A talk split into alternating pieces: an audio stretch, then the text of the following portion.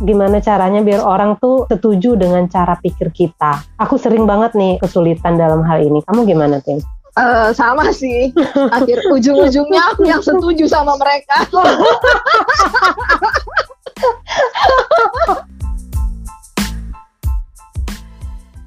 Hai, hai, hai. Halo Christina. Semangat banget gak sih kedengaran dari suaranya? Aku mah setiap podcast emang semangat banget. Iya karena mm-hmm. ini ngelanjutin juga yang episode sebelumnya. Kita udah bahas dari buku yang sama ya. Tentang uh, apa ya? How to influence and influence people. Nah, sekarang kita akan uh, kupas tuntas mengenai uh, bagian tiga dari buku ini yang judulnya Kiat Agar Orang Menyetujui Cara Pikir Anda. Asik. Asik. Nah ini nih, biasanya susah banget kan gimana caranya biar orang tuh setuju dengan cara pikir kita. Aku sering banget nih kesulitan dalam hal ini. Kamu gimana, Tim? Uh, sama sih.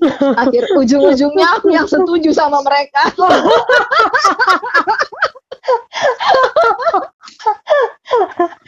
nah inilah kiatnya gimana supaya apa yang ingin kita sampaikan itu bisa disetujui orang lain. Gimana sih Mar caranya? Kasih nah, dok.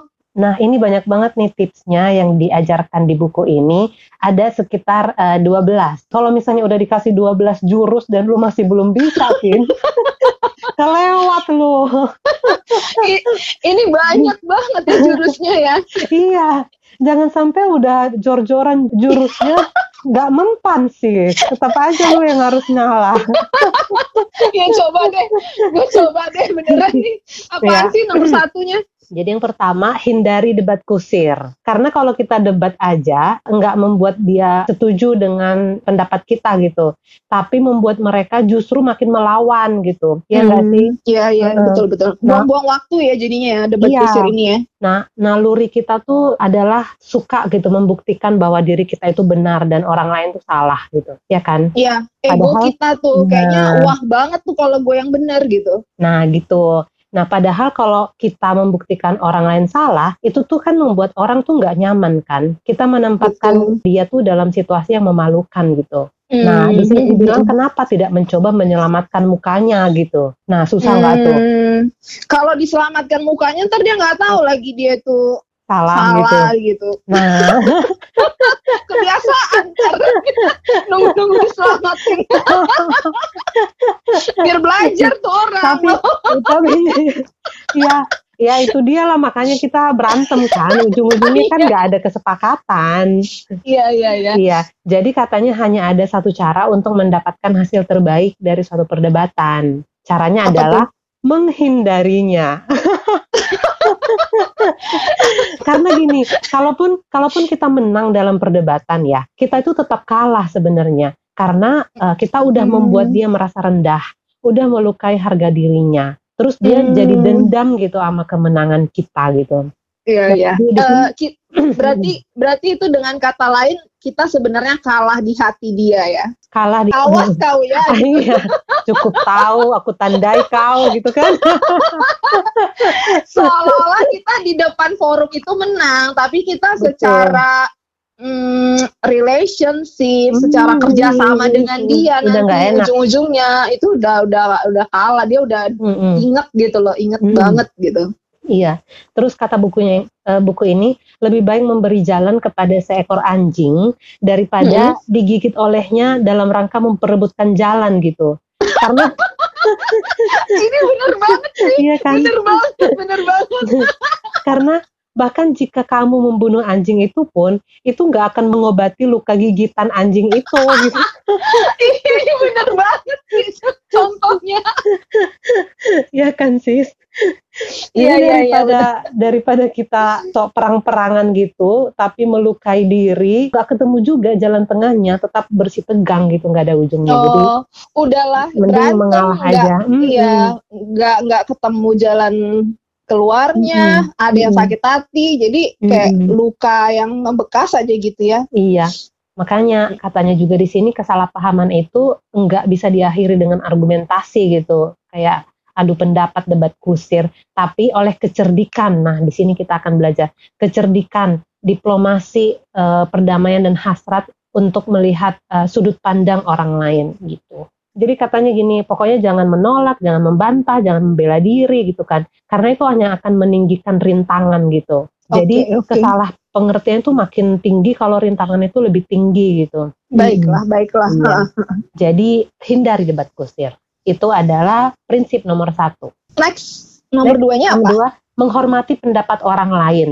Nah, uh, hmm. jadi sama. Kalau tadi itu kan kita kepengen membuktikan kalau kita itu benar, dia itu salah. Kalau di sini hindari mengatakan kalau orang lain itu salah gitu. Jadi nah, kayak, mm -mm, aku jadi, juga nih kadang mm, nih salah nah, bukan gitu. Kenceng lagi ngomong ya kan. Gak bisa. Berapi-api lagi gitu kan. nah, ada gak sih Tin orang yang 100% benar uh, di setiap waktu gitu? Kayak lu selalu benar gitu. Apa pun yang lu omongin itu nggak ada yang salah kayaknya nabi aja gitu ya. kayaknya enggak enggak manusia biasa sih enggak nah kalau kita nggak yakin gitu kalau kita ini selalu benar terus kenapa kita boleh mengatakan atau dengan yakinnya mengatakan bahwa orang lain itu salah gitu kadang hmm. mengatakan salah itu berapi-api segitu bernafsunya gitu bilang orang tuh salah gitu Nah, hmm. kalau kita mengatakan salah pada orang lain, ya kan, itu nggak membuat mereka jadi makin setuju dengan kita kan? Mm. kan? Mm. Karena kita udah memukul telak kecerdasan kalau istilah di buku ini, kecerdasan mereka. Kita kayak melanggar harga dan martabat dirinya gitu. Dan ini malah membuat mereka ingin memukul balik gitu dan nggak mau mengubah pendapatnya. Iya betul. Hmm. Jadi kalau kita bilang dia salah, itu akan membangkitkan perlawanan dari dalam dirinya untuk berperang gitu. Oh iya. iya. Oke. Okay. Hmm katanya kalau uh, dalam situasi yang paling lunak sedikit pun kan udah susah gitu mengubah pendapat orang lain. Terus kita persulit lagi dengan memberitahu kalau mereka itu salah gitu kan. Itu dia prinsip nomor dua itu hormati pendapat orang lain, jangan bilang dia salah. Kalau misalnya gini Tin, kadang yang aku tuh gampang ya berubah pikiran dengan santai, dengan hati yang ringan gitu kan, berubah pendapat gitu, berubah pikiran. Itu aku bisa bisa aja melakukan itu Nah, tapi kalau misalnya orang itu udah sempat bilang aku salah, aku tuh kesel gitu, kayak teguran atau pernyataan dia kalau aku tuh salah, akhirnya aku jadi keras hati gitu. Iya. Yeah. Nggak bisa dengan santai untuk mengubah pikiran. Iya, sama ya sih. Kan? Mm-hmm. Jadi itu tuh kayak lebih ke ego kita mau mem- mem- mempertahankan harga diri kita gitu. Harga diri kita terancam. Jadi sebisa mungkin aku harus membuktikan kalau aku itu enggak salah gitu. Iya. Mm-hmm. Jadi ego di sini bermain. Jadi ya, karena nggak ada hmm. orang yang mau disalahkan ya. Betul. ya, alamiahnya. Iya, betul betul betul. Jadi kadang tuh uh, kita mengada-adakan logika gitu untuk membuktikan kalau kita itu benar dan dia salah gitu kan. Iya, kadang ya, sama banget. kadang sok-sok di logika logikakan gitu. itu iya, pun iya. ketemu di tengah-tengah loh itu nggak ada dipersiapkan dari awal gitu kan. Pas debat aja itu baru keluar. Pokoknya gue harus berjuang. Demi mempertahankan Betul. defensif. Betul. Ya kan? Nah, jadi katanya yeah. di sini hormati aja pendapat pendapat orang lain dan hindari mengatakan kalau dia itu salah. Gitu. Baiklah. Nah, yang ketiga, yang ketiga uh, kan kita bisa aja juga salahkan sebenarnya. Nah, kalau misalnya kita mendapati diri kita salah, akuilah gitu. Aku susah banget kalau mengakui itu kan artinya ego ya sih. Kadang tuh nggak sadar gitu kalau ego tuh sedang mengambil alih. Kalau yeah. di buku ini dia bilang akui dengan cepat cepat loh Tin. Wow. wow. Dengan cepat terbuka dan antusias. Ya kalau aku tuh salah gitu. Yang wow, ini banget. berat loh ini. Berat banget. jadi berat banget. jadi katanya gini, uh, jauh lebih baik kalau kita itu mendahului orang lain menegur kita karena kita melakukan kesalahan gitu. Kita melakukannya aja sendiri, kita menegur diri sendiri kalau kita itu salah, mengakui kalau hmm. kita itu salah itu lebih bagus, jauh lebih mudah mendengarkan kritik dari diri sendiri daripada kutukan yang keluar dari mulut orang lain. ini enggak sih saya. iya, ini benar. Cuman pada kenyataannya, kenyataannya sebelum sebelum ya kita baca inilah ya, kita mm -hmm. tuh sulit banget gitu mau kita udah tahu nih kita salah Iya. tapi kayak Mm-mm. dengan sukarela Suka ya, mengucapkannya dengan itu cepat segera, Tin. cepat segera kita berpikir dulu aduh aduh ucapin nggak ya kayak malu atau gengsi Betul, gitu ngucapinnya terus kita Betul. cuman berharap dia nggak ngebahas itu lagi gitu jadi kita aman aja tapi kita tahu itu salah gitu Iya, mending kalau dia lupain aja gitu. Kalau temen gue ada tuh yang dikutuk gue berulang-ulang. berharap tidak ada kutukan taunya tetap dikutuk Iya, tau gitu mending Gua mending duluan. ngucapin sendiri iya Iya. gitu. Jadi katanya peluang untuk dimaafkan itu lebih besar eh, kalau kita mengakui salah dengan segera gitu. Perdebatan Mhm. juga minimal, pertengkaran minimal. Aduh kita save banyak energi lah gitu kalau kita dari awal sudah mengaku salah Mm-mm. gitu. Kayak Iya, harus dilatih deh. Nikta dan ada temen dan ada orang yang aku lihat dia dia Gampang-gampang bisa gitu aja. gampang banget bilang Iya. iya ini memang salah aku gitu Hah, gampang banget terus kita nggak bisa marah lagi kan sama dia kalau Nah, udah dibilang itu, gitu kan itulah jurusnya. Mungkin dia juga udah mempelajari buku ini.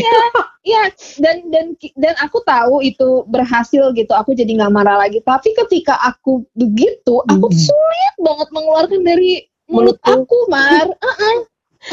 Iya, Tin. Beneran. Ini PR. Tapi bisa sih, Tin. Aku Bisa, udah mulai berusaha ya. mempelajari. Iya, cuman kadang lupa kalau itu tuh ego sedang mendominasi itu lupa, Tin. Seriusan, Hmm. aku kan sedang membasmi banget nih egoku ya.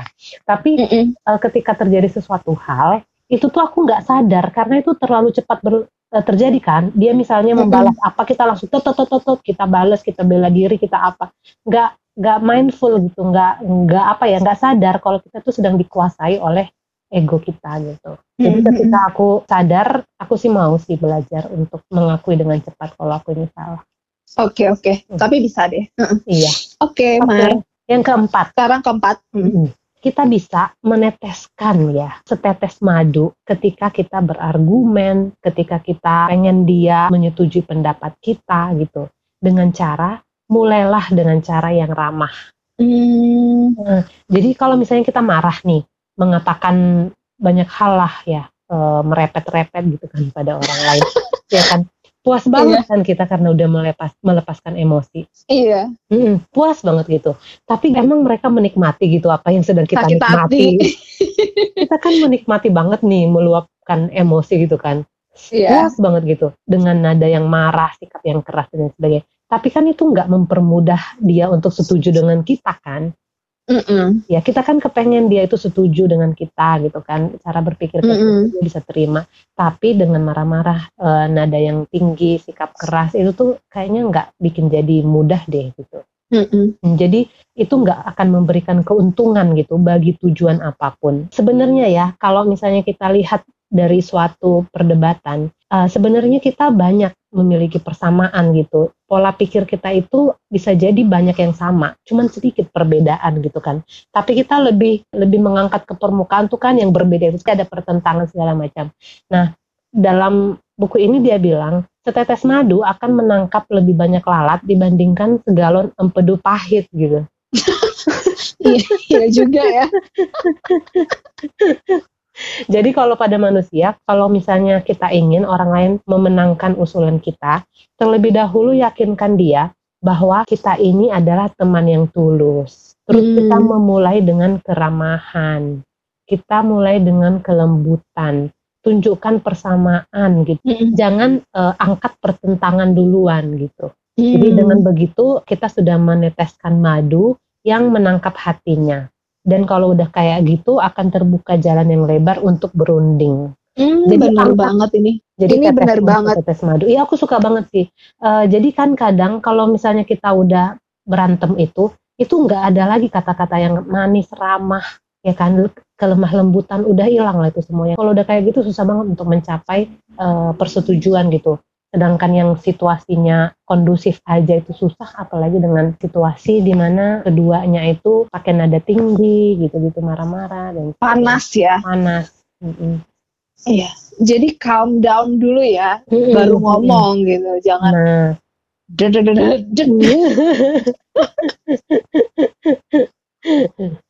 iya, jadi beri setetes madu biar adem gitu loh. Kayak gitu. Jadi gampang buat dia untuk mengubah pendapatnya dia. Iya. Oke, okay, next ya. Next. Mm -mm. Jadi ada kaitannya juga dengan yang tadi. Mulailah dengan hal-hal yang disepakati bersama dan teruslah menekankan bahwa kita ini sedang mengupayakan hasil yang sama. Hmm. Jadi tujuan kita itu sama kok gitu. Jadi jangan saling berantem bertentangan yang kayak gitu karena tujuan kita ini sama kok gitu. Kita sedang mengupayakan nah, hasil yang sama ini yang sering lupa sih Mar. Hmm, Kadang aku juga sama. kita ngebahas apa pun, eh kita lupa tujuannya iya. sama dulu. Jadi Kayak kita, tujuan kita aja yang kita kita pikirkan gitu tanpa kan, tanpa kita tahu dia memang sedang menuju apa yang kita tuju. Iya, gitu. tujuan kita sama gitu kan. Iya. Uh-uh. Jadinya gini Tince, kita lebih uh, gimana caranya biar ego gua yang menang gitu. Padahal kan bukan itu tujuan dari diskusi ini kan. Iya. Hmm. Iya, jadi uh, di sini ada rahasianya katanya untuk memenangkan orang lain. Katanya upayakan agar orang lain itu berkata ya di saat awal-awal uh, perbincangan. Hmm. Jadi cegahlah si lawan kita itu berkata tidak. Jadi karena karena jawaban tidak itu adalah rintangan yang paling sulit diatasi. Kalau kita kalau dia udah berkata tidak, maka semua gengsi pribadi itu akan uh, memuncah gitu.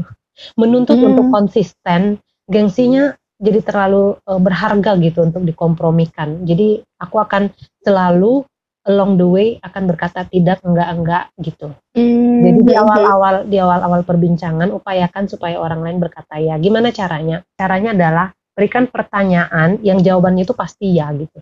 Oh, gitu ya. Hmm, karena katanya gini, seluruh organ, kelenjar, saraf, otot gitu kan itu menyatukan diri semuanya di kondisi fisik kita untuk menolak. Jadi fisiknya itu ikut-ikutan nolak gitu, Pin. Padahal kan tadi kan mulutnya aja, pikirannya aja yang bilang dia itu tidak gitu kan. Tapi pada -hmm. dasarnya semua uh, sistem persarafan kita ini udah bersatu padu untuk menolak gitu. Mm, menutup gitu ya. diri ya. gitu. Mm -mm. Jadi uh, susah untuk mengalihkan menjadi iya ya Betul, karena semuanya bersepakat dalam diri dia. Iya. Jadi menangkan dia di awal-awal diskusi dengan ya ya ya kayak misalnya tujuan kita sama kan? Iya. Tujuan kita kan untuk ini kan? Iya gitu. Pokoknya uh, pancing dia untuk menjawab ya ya ya gitu di depan. Hmm, sejak awal. Mm -mm gitu. Jadi niscaya kalau kayak gitu dia akan bersedia melakukan semua yang kita usulkan ke belakang-belakang gitu. Jadi mulailah dengan hal-hal yang disepakati bersama. Keren, okay. bagus. Uh -uh. Terus lanjut ke nomor 6. Jadi uh, nomor 6 ini dia bilang ajaklah lawan bicara Anda berbicara lebih banyak. Kayaknya kemarin juga di episode sebelumnya pernah dibahas ya. Jadi pokoknya iya. biarkan dia berbicara tentang dirinya uh, lebih banyak gitu nggak usah membicarakan diri sendiri biar dia sampai puas gitu ajukan saja pertanyaan dan biarkan mereka berbicara banyak tentang apa pun lah gitu iya. karena kalau dan kita ini udah, kita butuh hmm. kemampuan mendengar ya nah kesabaran pun kadang kan kesabaran kita, kadang hmm. kelamaan ngomong deh kayak gitu iya, dan aku juga tergoda gitu, kan. banget kan? untuk menyela aku tuh gitu loh aku tuh suka banget menyela dan memotong aku juga kayak itu tuh ada urgensi yang sangat besar dari dalam diri i, i, i, i, i gitu kan kayak aku pengen menyampaikan sesuatu gitu padahal itu iya. sangat berbahaya katanya iya betul gitu karena kalau mereka belum selesai ngomong tin mereka tuh nggak akan memberikan perhatian ke kita selagi masih banyak gagasan gitu di dalam kepala oh. mereka yang berteriak minta diungkapkan gitu loh Iya, iya. Lanjut ya ke nomor tujuh. Lanjut, lanjut nomor tujuh ya. Nomor tujuh strategi mendapatkan kerjasama yaitu buat agar usulan itu atau pendapat itu datang dari orang tersebut. Nah ini penting banget, jangan didikte gitu. Karena nggak ada orang yang suka disuruh-suruh aja kan. Iya, iya, iya. Gitu. Sekarang kita lanjut ke trik nomor 8. Di sini disebutkan ada sebuah resep yang ajaib untuk kita. Supaya orang lain menyetujui cara pikir kita. What is that? Mm-mm. Cobalah dengan tulus melihat masalah dari sudut pandang orang lain. Nah, ini. Mm-mm. Jadi orang lain mungkin salah total ya. Kita pernah lihat lah orang tuh memang salah total gitu yang diomongin itu salah gitu kan. Tapi dia nggak berpikir seperti itu loh gitu. Kalau kita salahkan mereka dan tidak mengerti mereka dari sudut pandang mereka, itu nggak akan nggak kita nggak akan dapat apa yang kita mau gitu. Mm. Karena ada alasan di balik cara berpikir dan tindakan seseorang, ya enggak sih? Jadi carilah yeah. sebab itu, carilah alasan itu, maka uh, kita akan memiliki, mempunyai kunci untuk tindakan-tindakannya dan mungkin juga kepribadiannya gitu. Ya. Yeah. Nah, kadang kadang tin dibandingkan aku uh, capek gitu memikirkan apa dibalik tindakan dia, apa maksudnya kenapa dia melakukan itu, tahu nggak apa yang aku akhirnya simpulkan? Tanya dia, nggak? Bukan, dia pasti melakukan itu dengan tujuan yang mulia. Oh, padahal kan nggak semua orang mulia di dunia ini. Betul sekali. Tapi dibandingkan aku berpikiran kalau dia itu tidak mulia, kan aku yang jadi kayak victim, aku yang kesel, aku yang emosi. Jadi mending berpikiran bahwa oh mungkin dia ada tujuan yang sangat baik di balik perilakunya dia. Itu hmm. adalah cara terbaik yang mungkin bisa dia pikirkan atau bisa dia lakukan gitu.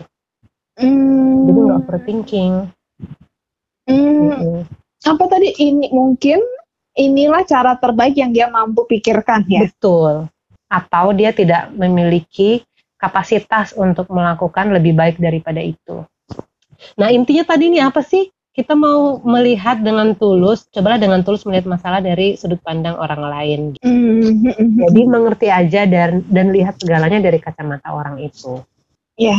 Yeah. dengan adanya jembatan pengertian seperti ini, kita lebih gampang juga untuk mengarahkan dia ke apa yang kita inginkan.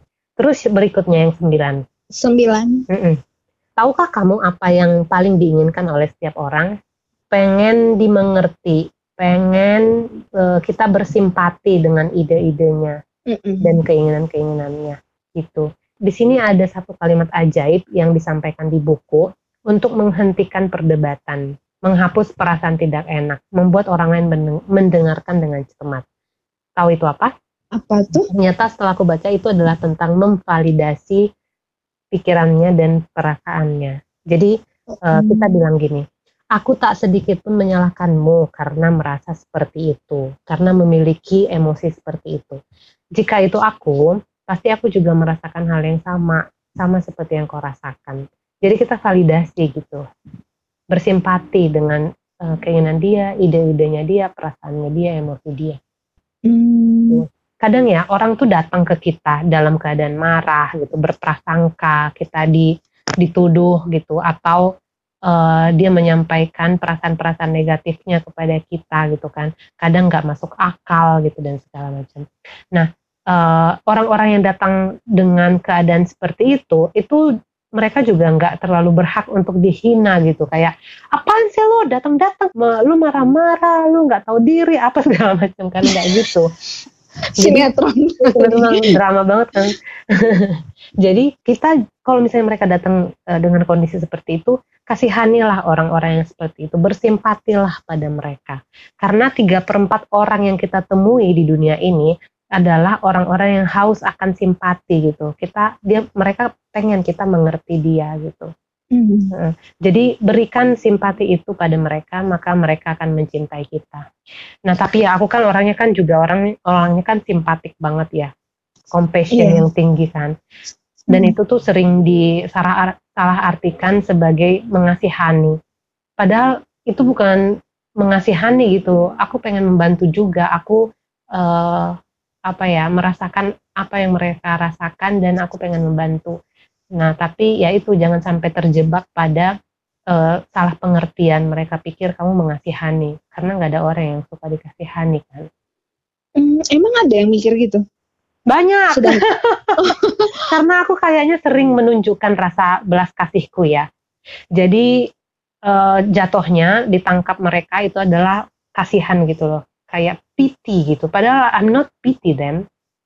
I'm Kamu memvalidasi mereka Kenapa? Iya. Uh, yang yang kamu lakukan memvalidasi pikiran dan perkataan mereka, tapi bisa jatuhnya mm -mm. jadi uh, orang mikir sedang dikasihani bisa ya gitu ya? Iya. Iya gitu, hmm. karena kadang mungkin aku berlebihan juga bilang, iya aku tahu kang aku merasakan kalau kamu itu gini gini gini lebay kali ya. Tapi itu tapi tapi sesungguhnya sesungguhnya itu dari dalam hatiku tuh sungguh-sungguh Tince aku nggak ada nggak ada niatan untuk merendahkan mereka dengan uh, mengasihani gitu loh it's not pity ngerti, ngerti. tapi aku mengerti mm -mm, gitu Nah, hati-hati aja gitu loh. Kayaknya Iya, mungkin iya. gue berlebihan. Enggak, kadang kadang juga gini, Mar, aku lagi dalam tahap juga lagi berlatih untuk ketika orang berbicara tentang diri mereka, tentang penderitaan mereka, tentang hal apa pun yang mereka ingin obrolin, aku kan mendengarkan. Nah, di saat mendengarkan itu aku berusaha menyisipkan memvalidasi, memvalidasi gitu loh. Nah, Nah, memang memang ketika aku mempraktekkan memvalidasi pikiran dan Mm-mm. perkataan mereka ini, memvalidasi emosi mereka ini, eh, aku menemukan kesulitan pemilihan kata yang di kita itu jatuhnya landingnya eh, our usual language gitu loh. Maksudnya baha- kata-kata yang biasa kita gunakan, enggak yang kayak buku gitu loh. Kalau buku kan ah, saya aku, mengerti apa yang kamu ini Hmm. gitu-gitu kan. Hmm, Tapi maksudnya oh. supaya bahasa lebih bahasa kita sehari-hari itu Oh. gimana sih memvalidasinya jadi kayak aku sambil mikir gitu sambil mikir Oh. sambil mm, oh ya dia begitu ya maksudnya kalau kita bilang "Eh, aku mengerti perasaan ah, kamu pasti merasa eh aneh banget gitu loh kita bahasanya nggak se Oh, se- bahasa itu, sehari-hari gitu ya. iya Eh, Kalau kalau yang aku sering denger sih Tin memvalidasi itu lu kesulitan gitu kan mencari kata-kata. Lu ulangin Iya. aja, lu ulangin aja kata-katanya dia. Misalnya, "Ih, aku kesel sama si ini ini segala macam." Iya, ya kamu kesel ya. Ya pasti kesel sih kalau ada orang yang jadi ulangin lagi, "Iya, soalnya dia melakukan ini sama aku." Oh, dia melakukan itu padamu. Gitu loh, Tin. Jadi kau Hmm. ulang-ulangin. Kalau misalnya kamu ulang-ulangin kata-katanya dia, itu seakan-akan kamu setuju gitu dengan apa yang dia rasakan. oh gitu Mm. Mm, mm, mm, mm. Dia ngomong apa kamu ulangin, tapi jangan terlalu obvious ya. gini, gini jangan semua semuanya diulang Iya. gitu kamu pulang- nggak sih aku cerita Iya. Jadi gitu. Iya, iya. Mm-mm, jadi Iya, itu validasi dan bersimpatilah dengan ide-ide dan keinginan orang lain. Cus yang ke-10 ya. yes Mm-mm. Yang ke-10 katanya gini, seseorang biasanya mempunyai dua alasan untuk melakukan sesuatu. Satu, alasan yang kedengarannya bagus, dan satu lagi alasan yang sesungguhnya gitu. Jadi, kalau kita ingin mengubah orang, eh, kaitkanlah mereka pada motif-motif yang lebih agung, yang kedengarannya bagus dan mulia gitu loh, Tin. Hmm. Bayang nggak? Misalkan nih, lu kepengen ya meminta jasa seseorang. Kalau di contoh di buku ini misalkan jasa seorang penulis yang lagi naik daun. Jadi dia mahal gitu bayarannya dan dia nggak sanggup membayar, oh punya modal. Nah, terus dia mengaitkan pada motif yang lebih mulia. Tahu nggak apa yang dia lakukan? Dia Apa? bilang gini, aku menawarkan cek sebesar 100 dolar. 100 dolar itu kan nggak banyak ya, karena segitu yang dia Mm-mm. sanggup. Nah, tapi dia bilang itu bukan untuk si penulis, Penulis. itu Mm-mm. tapi nanti akan dikasihkan ke lembaga sosial favoritnya si penulis. oh Iya, jadi dia itu kayak menyentuh sisi-sisi motif-motif yang mulia. Jadi ini ada contoh lain, ada customer yang nggak mau bayar tagihan. Jadi eh, udah banyak kolektor kan yang datang gitu kan untuk menagih dia, tapi dia nggak mau terus komplain terus segala macam. Nah, jadi eh, kalau dari tipsnya di sini imbaulah dengan motif yang mulia, kita mengangkat gitu bahwa sebenarnya si customer ini sebenarnya orang yang jujur, tulus, benar, bersedia dan sangat ingin membayar dan dia Hmm. sabar gitu orangnya menghadapi kolektor yang sebelumnya. Jadi kalau kita yakinkan mereka bahwa mereka itu jujur, bermoral dan adil dan sebagainya, itu kan mereka akan merasa bahwa mereka itu memang sudah selayaknya untuk membayar gitu. Jadi dia akan Iya. dengan lebih eh, ikhlas dan lebih riang hati untuk membayar. Imbaulah mereka dengan motif-motif yang mulia gitu. Nah, terus yang ke-11. Yang ke-11 eh, di sini dia bilang dramatisir ide Anda. Jadi buat ide Anda itu ilustratif. Nah, ini kan zamannya kan zaman dramatisasi ya semuanya ya. jadi jadi aku nggak suka drama nggak suka drama ya. Tapi Enggak. bagaimanapun itu tuh lebih enak ditonton ya enggak sih? Iya. dibandingkan yang slow-slow aja.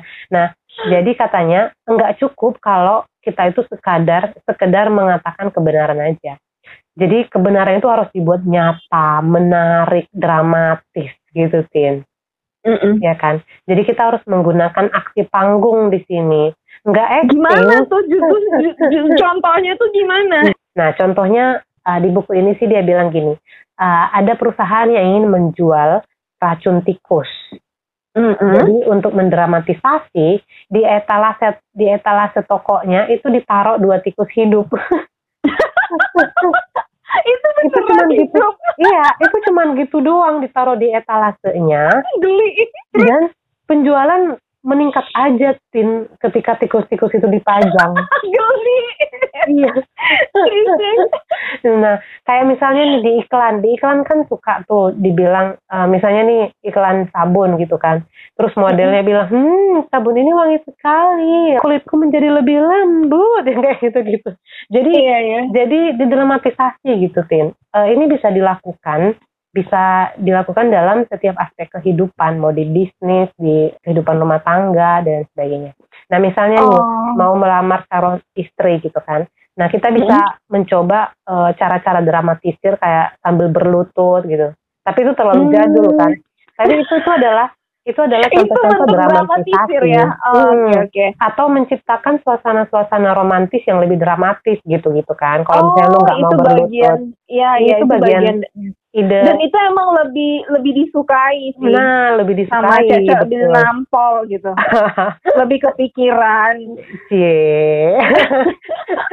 Kayaknya kamu sudah membayangkan ide-ide dramatis di kepala Tin keinginan keinginanmu iya, maksudnya. aku, aku membayangkan uh, di dramatisir sih. Ya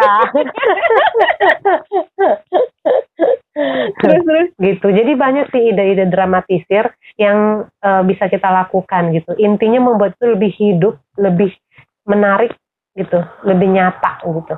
Iya betul. Terus yang berikutnya. Ini adalah tips yang terakhir ketika tidak ada yang berhasil cobalah yang satu ini apakah itu kasihan banget ya nggak ada yang berhasil satu sebelas dan nggak ada yang berhasil Nah, uh, apakah itu? Itu adalah beri tantangan. Hmm. Jadi rangsang persaingan katanya. Karena hmm. orang kan memiliki hasrat untuk menjadi unggul gitu kan. Nah, cara yang ini yaitu merangsang persaingan ini adalah cara yang pasti untuk menarik orang-orang yang bersemangat. Ini hmm. aku banget nih. Aku kalau misalnya kan kayak aku orangnya kompetitif gitu ya. Kalau orangnya tipikal yang berkompetitif, beri tantangan gitu. Nanti hmm. dia akan uh, dengan sendirinya ingin membuktikan diri ya kan, aktualisasi hmm. diri gitu kan. Karena orang hmm. suka gitu membuktikan harga dirinya, suka untuk unggul dan menang gitu. Jadi manfaatkan aja hasrat untuk unggul dan hasrat akan perasaan penting itu dengan memberikan tantangan. Nah ini banyaklah contohnya gimana caranya memberikan tantangan, tapi jangan salah juga gitu kan, karena baru aja dicurhatin temen gue, gimana dia itu kayak dibandingin, coba deh lihat si Anu, si Anu, si Anu, dia lebih begini, lebih begini. Bukannya tertantang atau termotivasi, dia malah ngedrop gak suka gitu loh kalau itu dibanding-bandingin gitu. Iya, ya, mungkin persaingannya hmm. terlalu jauh ininya ya, apa Oh, terlalu coba jauh. Coba lah lihat Agnes mau nikah. Nah. Mana drop sih langsung. gitu. Nah, yeah, jadi yeah. Uh, memberi tantangan ini pun harus melihat Lihat juga orangnya, orangnya juga ya, karena nggak semua orang ingin ingin merasa tertantang gitu loh. Betul. Nah, Temanku kan, kayak nggak ada kompetisi hmm. dia tipenya. Hmm Nah, tapi dia kan akan ini bagus dengan dirinya sendiri tanpa nah, dia tak perlu orang lain. Nah, kayak ada gimana yang kayak gitu mm -mm. juga. Jadi mm -mm. ini kan semua semua tips di sini kan bisa kita sorry bisa, bisa disesuaikan ya. Disesuaikan maksudnya pilih cara yang memang cocok gitu. Kan kita bisa pakai beberapa cara ini kalau nggak masuk ya coba cara yang lain kan ada 12 cuy. Mm-hmm. Dan mungkin keterampilan dalam menjalankannya juga bisa bisa menentukan mm-hmm. keberhasilan ya. Maksudnya gini beri Betul. tantangan kan nggak semata-mata cuman uh, kita rangsang oh si ini begini. Mungkin cara cara konteksnya juga diperhatikan. Jangan seolah-olah mm-hmm. seperti membandingkan, tapi kayak nah. mengeluarkan kemampuan terbaik dia nah. bahwa dia juga mampu loh gitu. Betul, seperti betul, betul, betul. Gitu. Iya. Tips dan triknya. Oke okay, oke. Okay. Nah, jadi itulah uh, eh, 12 prinsip yang kita bisa lakukan sebagai kiat agar orang lain menyetujui cara pikir kita. Yeay, bagus banget, Mas. Ini kayak yeah. harus mulai untuk di uh, Betul. mulai untuk dipraktekkan ya. Kebetulan kan kita besok Senin ya Tin, bisa dipraktekkan kayaknya nih di kerjaan. besok udah Senin ya. Iya, jadi di sum up dulu ya uh, ringkasannya ya. ya cara membuat orang lain menyetujui cara pikir kita. Pertama hindari debat kusir. Hindari debat kusir. Mm -mm. Terus kedua mm -mm. menghormati pendapat orang lain. Mm -mm. Hindari orang bilang uh, hindari bilang eh, hindari salah. bilang orang lain salah gitu mm. karena itu akan membangkitkan perlawanan orang gitu kan mm. terus yang ketiga bila kita mendapati diri kita yang salah akuilah dengan cepat terbuka dan antusias nah nomor lima mulailah dengan hal-hal yang disepakati bersama mm -hmm. Uh, tanamkan bahwa kita sedang mengupayakan hal yang sama loh gitu kan. Yang keempat tadi mulailah dengan cara yang ramah. Oh iya, yang keempat mulailah dengan cara yang ramah. Ya kan karena setetes madu akan menangkap lebih banyak lalat daripada segalon empedu. Betul. Enam. Nah, yang keenam, ajaklah lawan bicara lebih banyak mm-hmm. gitu, karena mereka ingin mereka didengarkan atau menyampaikan apa yang mereka ingin omongkan gitu kan. Mm. Sebenarnya ketika mereka lagi pengen ngomong, ketika kita juga ngomong, mereka nggak akan perhatian pada apa yang kita bicarakan, gitu Betul. gitu kan. Terus nah yang ketujuh, buat agar usulan itu datang dari orang tersebut. Betul. Yang kedelapan, cobalah melihat masalah dari sudut sudut pandang orang lain mm-hmm. karena pasti ada alasan dibalik uh, dari tindakan seseorang. Mm-hmm. Yang kesembilan, setiap orang ingin dimengerti, ya kan? Mm. Jadi uh, mengertilah terhadap orang lain dan bersimpatilah terhadap ide, emosi mereka, Caranya mm. dengan memvalidasi pikiran atau perkataan mereka. Mm-hmm. Yang ke sepuluh, imbaulah dengan motif yang mulia. Mm-hmm. Yang ke sebelas, dramatisir ide Anda. Buat mm-hmm. ide Anda itu ada ilustrasinya. Mm-hmm. Yang ke belas beri tantangan. Yeay. Yeay. Thank you Marlina Thank untuk 12 you, tips yang udah dijelasin uh, mm-hmm. dalam kiat agar orang menyetujui cara pikir kita ya cara yep. pikir Anda. Yep. Next kita akan membahas ya di podcast episode berikutnya. Masih ada ya, terakhir ya. Iya, satu chapter lagi. Ini ini penting banget nih. Strategi mengubah orang tanpa membuatnya tersinggung atau marahin. Kita bisa memimpin di mana pun sih. Mm -hmm.